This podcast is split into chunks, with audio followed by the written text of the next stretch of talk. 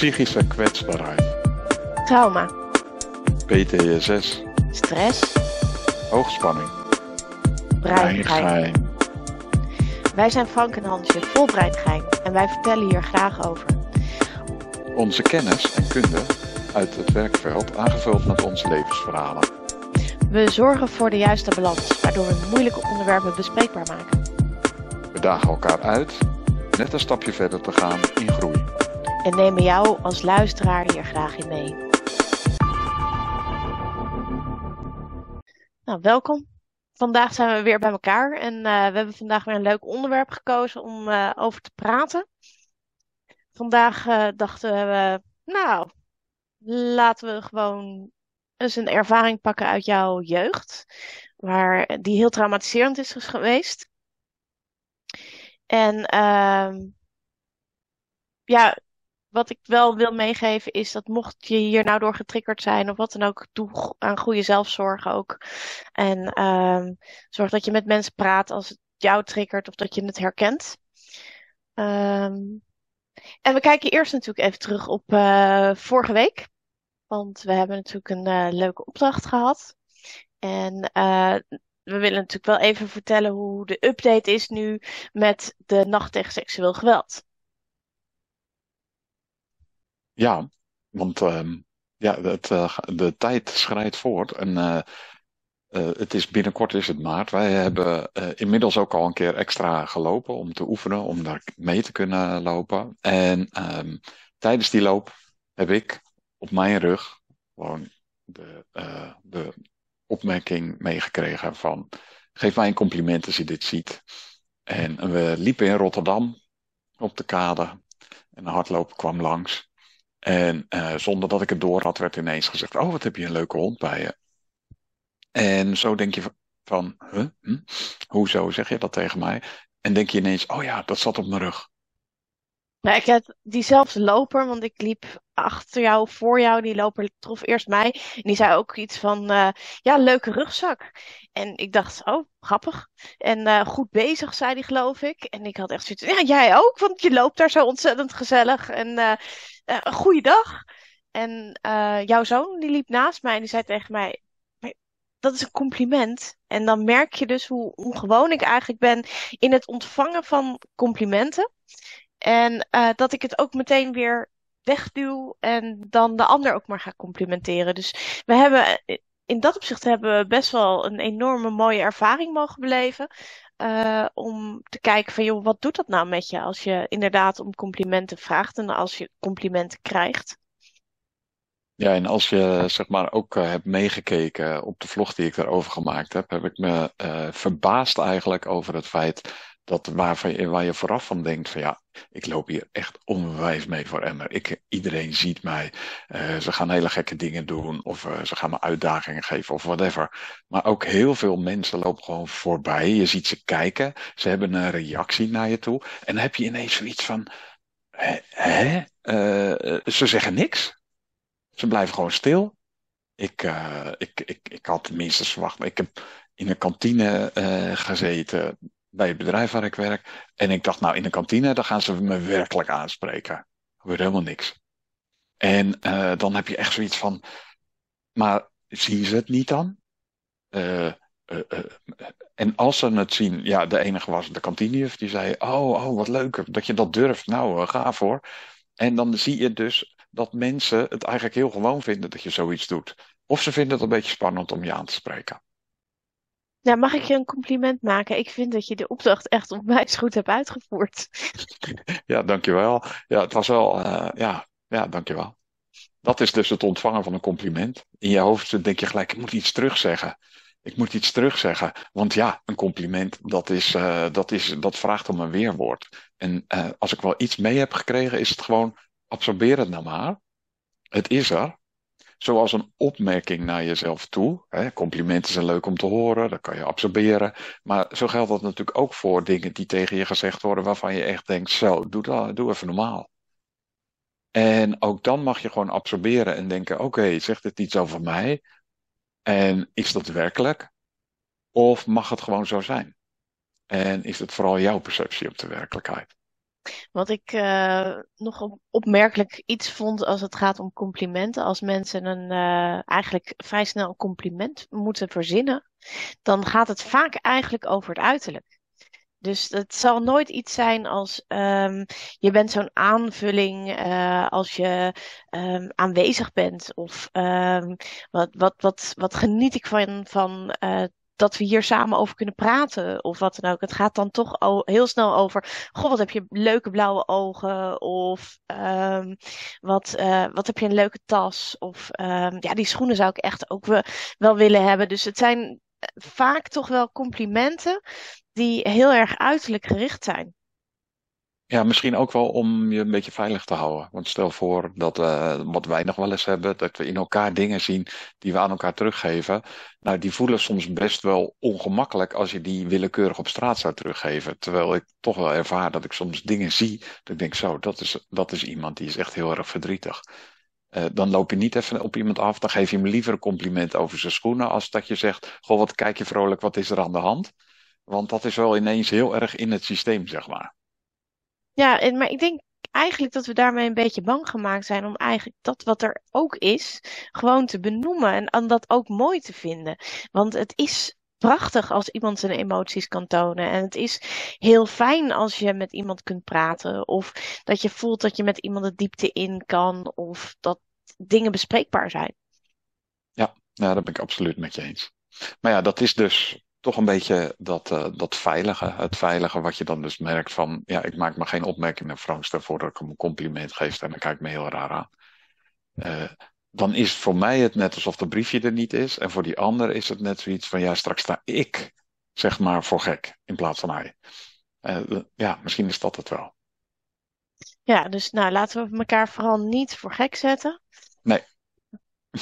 Als dat zo is, dan is het al zo.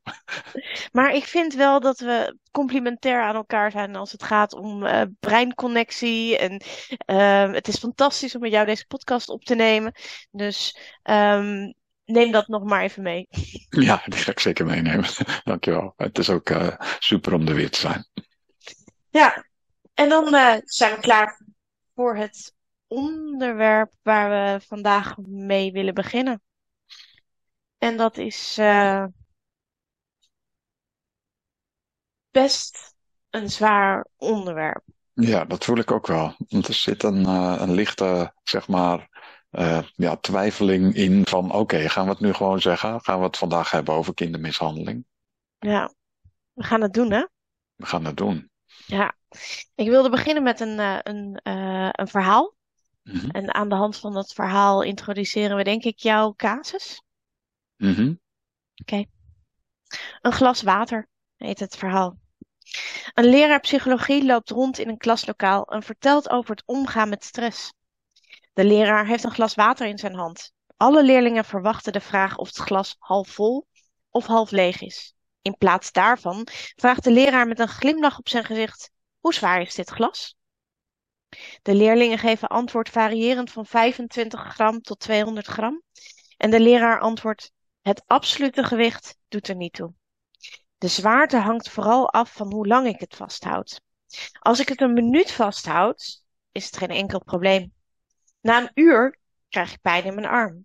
En als ik het glas de hele dag vasthoud, zal mijn arm gevoelloos worden en verlammingsverschijnselen vertonen. Hoe langer ik het vasthoud, hoe zwaarder het wordt. De leraar vervolgde: Stress en zorg zijn als dat glas water. Er even aan denken is geen probleem. Als ik er langer aan denk, zal het me pijn gaan doen. Als ik er de hele dag aan denk, zal het me verlammen. Ik zal tot niets meer in staat zijn. Het is belangrijk om stress en zorgen los te laten, zo vroeg als het kan. Accepteer je situatie en richt je aandacht op wat je wel kunt doen. Vergeet niet om het glas water op tijd neer te zetten. En dit is eigenlijk hoe we het onderwerp kindermishandeling willen toevoegen. En dat is niet dat we ouders nu willen aanwijzen als schuldigen. Um, want wij gaan ervan uit dat elke ouder um, s morgens opstaat en een bijdrage wil zijn in het leven van hun kinderen. Uh, maar dat wil niet zeggen dat het kind het ontvangt zonder trauma. En um, als je dus te maken krijgt met iets in je leven wat een ouder als gedrag heeft, wat voor een kind heel onbegrijpbaar is, dan krijg je dus eigenlijk een beetje dat glas water. Um, als het een minuutje gebeurt, is het geen probleem. Maar als het een langere periode aanhoudt, dan zal dat kind beschadigd raken. En dat is bij jou gebeurd. Dat klopt, ja. Ja, ja ik had daar zo een beeld bij. En um, ja, eigenlijk als je daarover nadenkt, uh, is dat ook wat je terug hoort, zeg maar. Ik heb, uh, ik heb dat wat bij mij veroorzaakt is. Het ging er in mijn geval over, ik zal het gewoon benoemen. Uh, dat mijn vader, als die al boos op mij was, soms het zwijgen ertoe deed naar mij toe. Hij ging, zoals ik dat dan noem, uit verbinding. Maar dat klinkt dan zo alsof hij ergens een stekker uittrekt. Maar het was echt gewoon van, ja, ik, ik wil je leren dat dit niet goed is. En uh, dan praat ik niet tegen je. En uh, als je dan die vergelijking trekt naar dat glas water. en je kijkt als dat iets is dat er even iets uit de keuken gehaald moet worden en je vader is er dan niet, dan kan je als kind leer je langzamerhand, hè, als baby heb je dat misschien nog niet, maar als je het kan beredeneren, denk je, oh ja, er moet even iets gehaald worden. Um, de oorzaak daarvan, uh, van het uitverbinding gaan, is dan ook logisch. Uh, op het moment dat je ervaart dat je iets doet wat niet mag en dit is het gevolg, dan, dan kan je daar wel mee leven. Als dat vijf minuten duurt. Maar toen jij er net opnoemde van ja, stel nou dat het een uur duurt. Nou, alleen al de gedachte dat jij een uur niet met mij zou praten, dat is voor de luisteraars ook best wel ingewikkeld trouwens. Want dan wordt het een soort monoloog. En misschien word ik zelf ook wel heel verdrietig. Dus wordt het ook aan deze kant heel stil.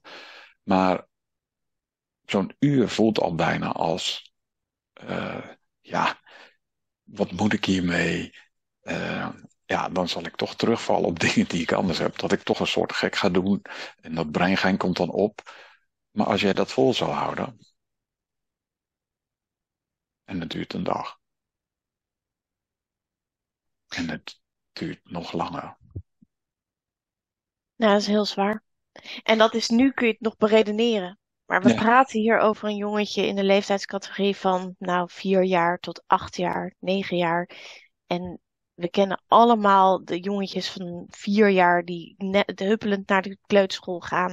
Allemaal van die kleine mannetjes en vrouwtjes die, zeg maar, heel vrolijk zijn en eh, heel veel aandacht en liefde nodig hebben. En ehm, nog heel erg primair reageren op dingen. Dus ehm, vijf minuten uit verbinding is een hele lange tijd.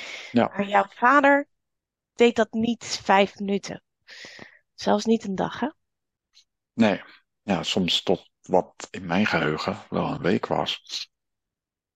En ja, dat is, dat is behoorlijk zwaar.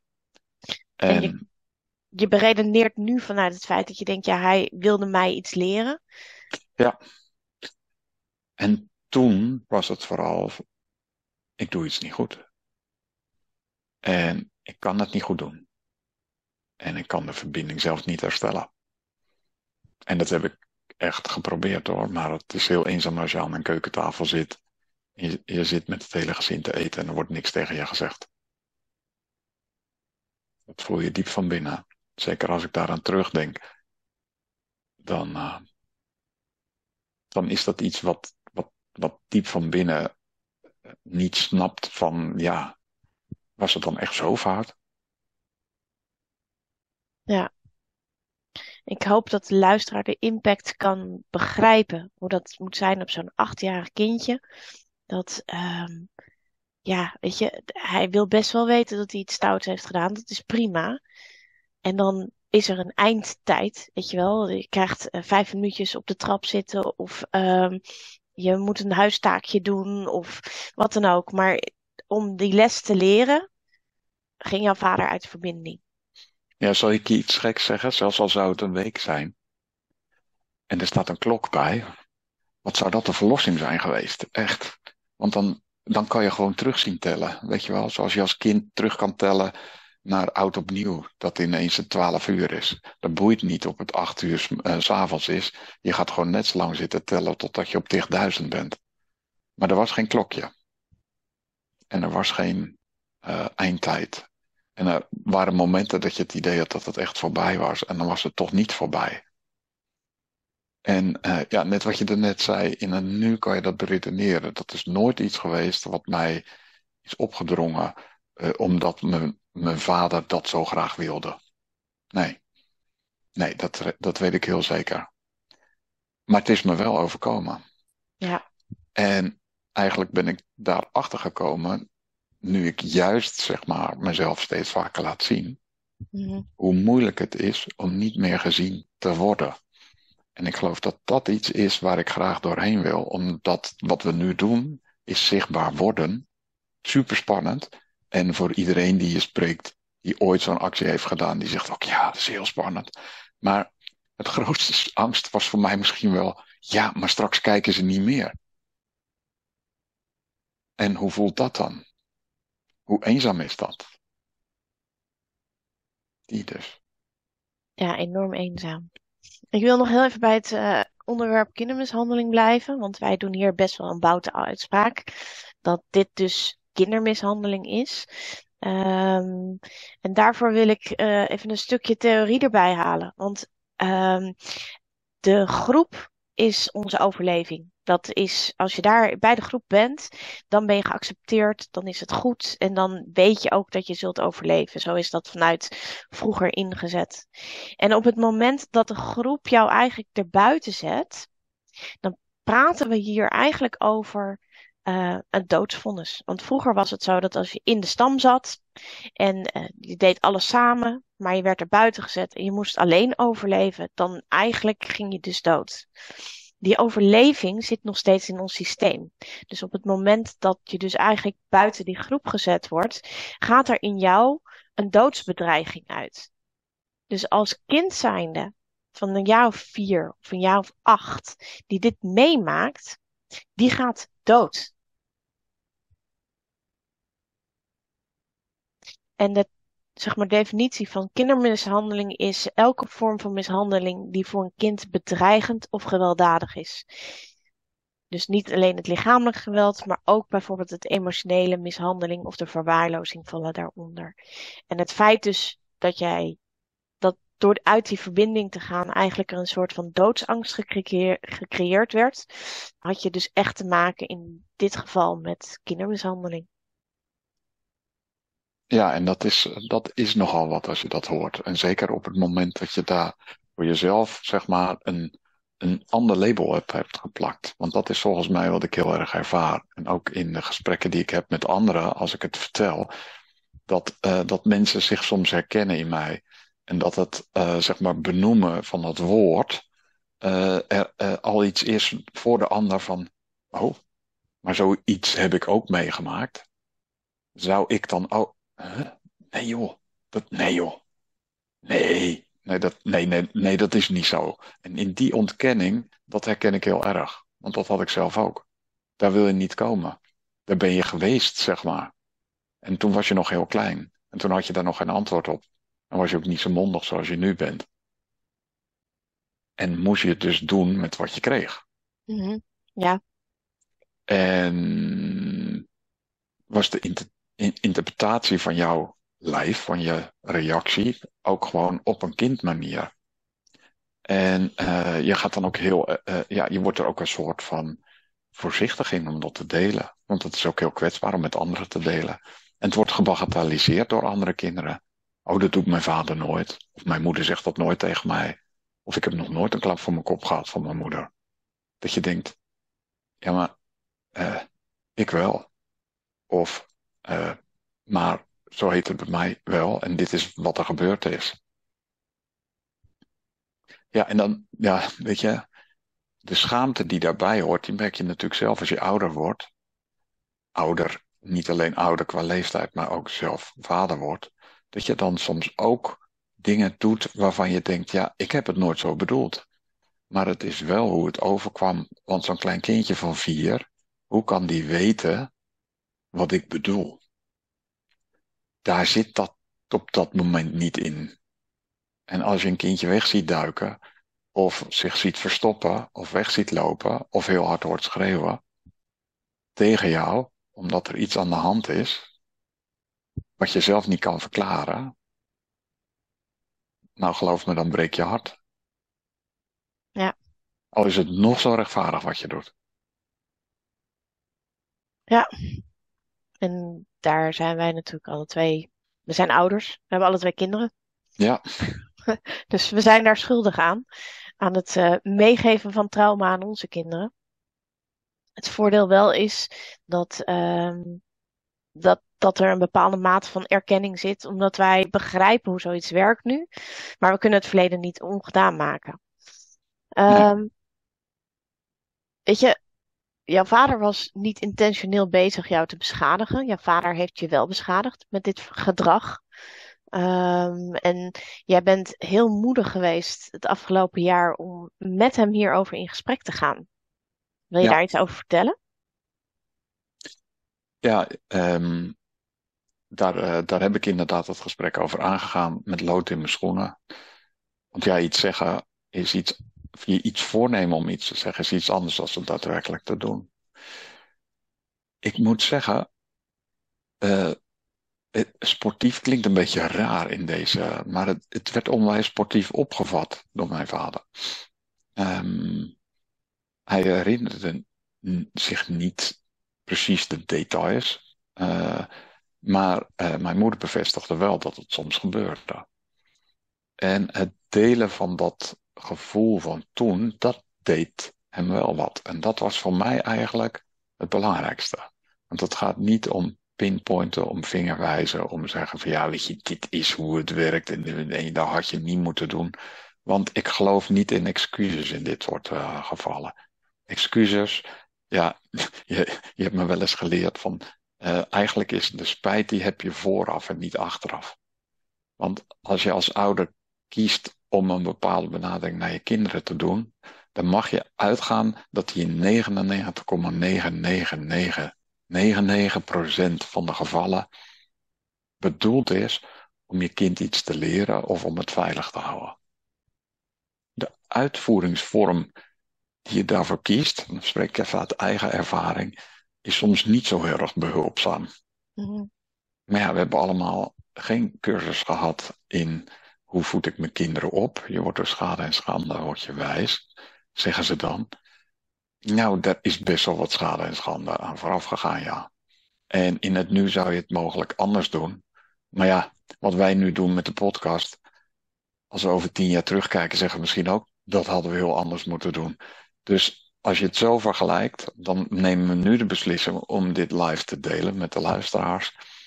En ehm, kom je daar op een later moment misschien achter dat je dat anders had moeten doen. En zo zie ik dat ook met je gedrag naar je kinderen of überhaupt hoe je eigen ouders met jou zijn omgegaan. En ja, dat kan best wel zijn dat je dit nu ook voelt als je aan de andere kant zit. Je denkt, oh shit, dit is me overkomen. Ja, en daar wil ik dan nog even op ingaan. Want ehm, ondanks dat we nu in de- deze staat kunnen beredeneren van joh, het was, ja, weet je, het zal wel goed bedoeld zijn. Ehm, we weten dat er delen zich afsplitsen in onszelf. We noemen ze eventjes de kleine Hansjes en de kleine Frankjes. Die eh, bevriezen in de tijd, dus die groeien ook niet meer op daarna. En ehm, die delen, die, die zijn nog in de modus van ik, ik, ik mag niet gezien worden, ik, ik word genegeerd. ehm, en die hebben allemaal die aannames en die zitten in ons. Ehm, en voor dat kleine Frankje in dit geval is het heel behulpzaam om gewoon te zeggen van joh, dit, dit is mishandeling. Dit had jou nooit mogen overkomen. Dit is zo schadelijk. En wat jij nodig had gehad is warmte, is liefde, is aandacht. Ze hadden je bij je moeten nemen. Ehm, en het gebrek juist aan wat er zeg maar had moeten zijn, maakt het nog schrijnender.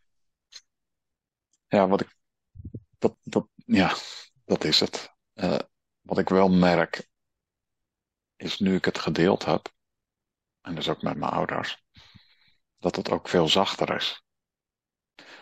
Omdat het nu benoemd is, en in het nu gewoon een plek krijgt. En dat je dan dus ook herkent dat die momenten dat je, uh, dat je anders eigenlijk niet goed wist wat je aan het doen was. Een soort van noodgreep in bepaalde dingen. Want geloof me, weet je, mijn vader is heel liefdevol naar mij toe. In het nu zou zoiets niet meer gebeuren. Maar soms zit ik midden in een situatie dat ik reageer alsof ik geen verbinding meer voel met die ander. En dan reageert mijn lijf nog steeds op dezelfde manier. En word ik heel erg teruggetrokken, of uh, angstig, of boos. En dan, dan gebeuren er dus de dingen die gebeuren bij een vier- of achtjarig gastje. Die gewoon niet precies weet wat hij ermee aan moet. En misschien herken je, nou ja, misschien herken je wel dat je soms reageert op een manier dat je denkt, ja, dit is ook wel een beetje overdreven voor de situatie. Of mensen attenderen je er zelfs op. Ik heb wel gehad dat mensen zeiden, nou, moet je hier nou zo boos om worden?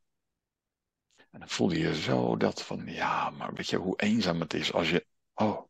En nu zou ik zeggen, hé, hey, doe ik nergens aan denken.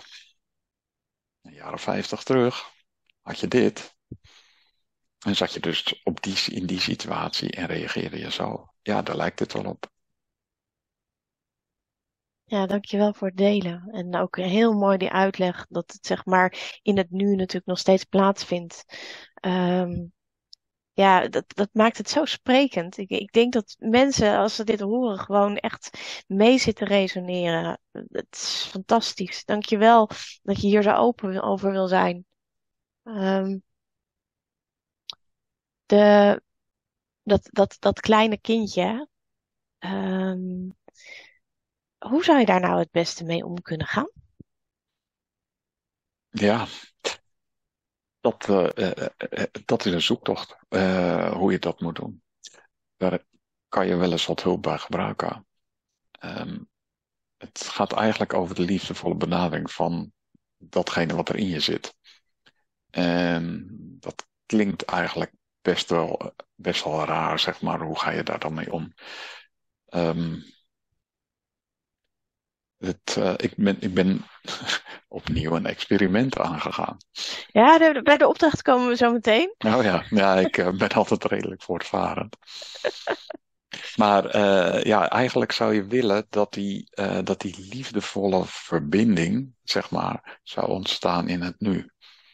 En daar heb je niet de liefdevolle verbinding van de mensen voor nodig die destijds in het spel zaten, zeg maar. Dat, is namelijk eigenlijk iets wat je zelf nodig hebt. Vaak ook omdat de mensen van toen vervreemd zijn van wie ze nu zijn. Omdat ze simpelweg niet meer dat gedrag vertonen en jij simpelweg ook verder bent in je leven en denkt, ja, maar ja, weet je, wat je, wat je veel hoort is, ja, maar dan moet hij zijn excuses nog aanbieden ja, weet je, iemand die inmiddels uh, uh, 80 plus is, die zijn excuses aan moet bieden aan iemand van 50 plus, uh, dat zijn hele andersoortige excuses. Want de intenties van toen waren niet van wat je nu zou kunnen ervaren.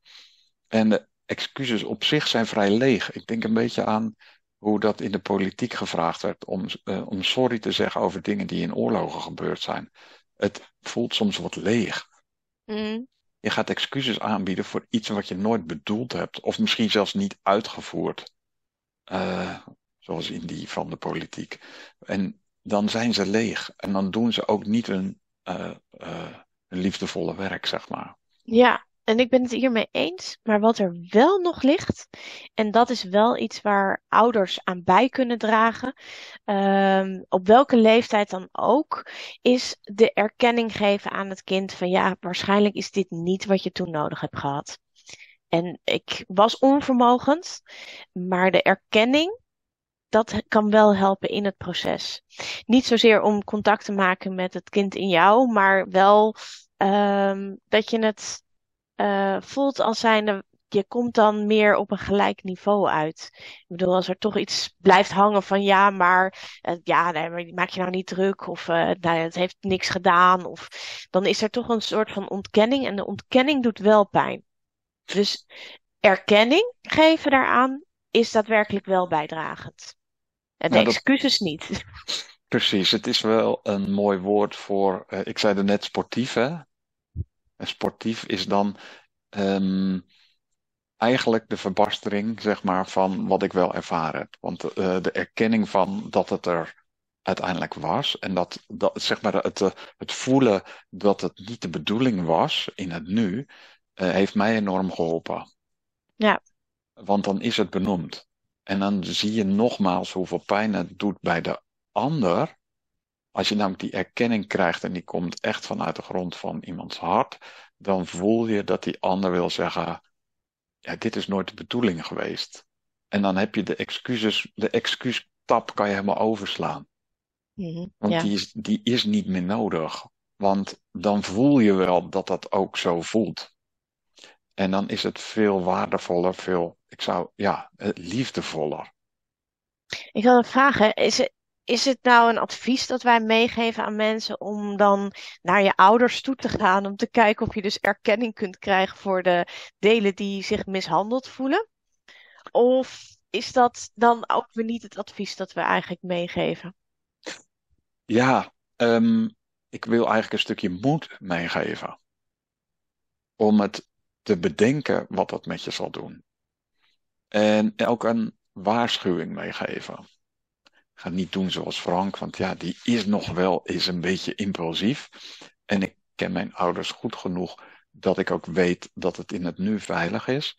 Maar als het in het nu niet veilig kan voelen, gewoon simpelweg omdat je weet dat je dan een discussie krijgt die veel heftiger is dan wat je, die je ooit gehad hebt, dan kan het ook zijn dat je op een andere manier daarmee om kan gaan.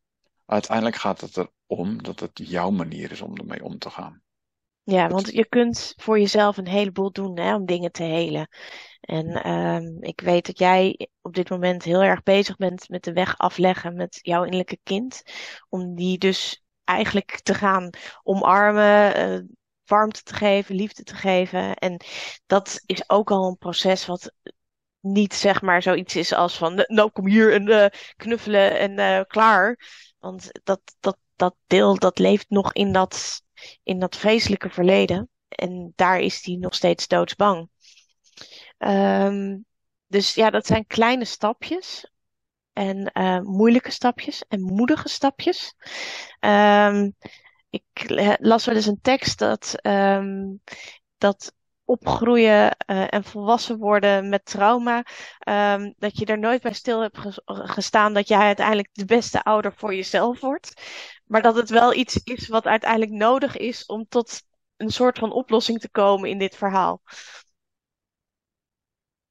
ja, ehm, naarmate je jezelf beter leert kennen en ook kan erkennen dat er gewoon bepaalde dingen,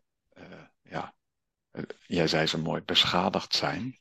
En dat dat een, bepaald, bepaalde impact heeft op, eh, heeft op je huidige leven en de manier waarop je reageert op dingen, eh, word je ook opener daarover. En als je er opener over wordt, durf je het ook vaker te delen.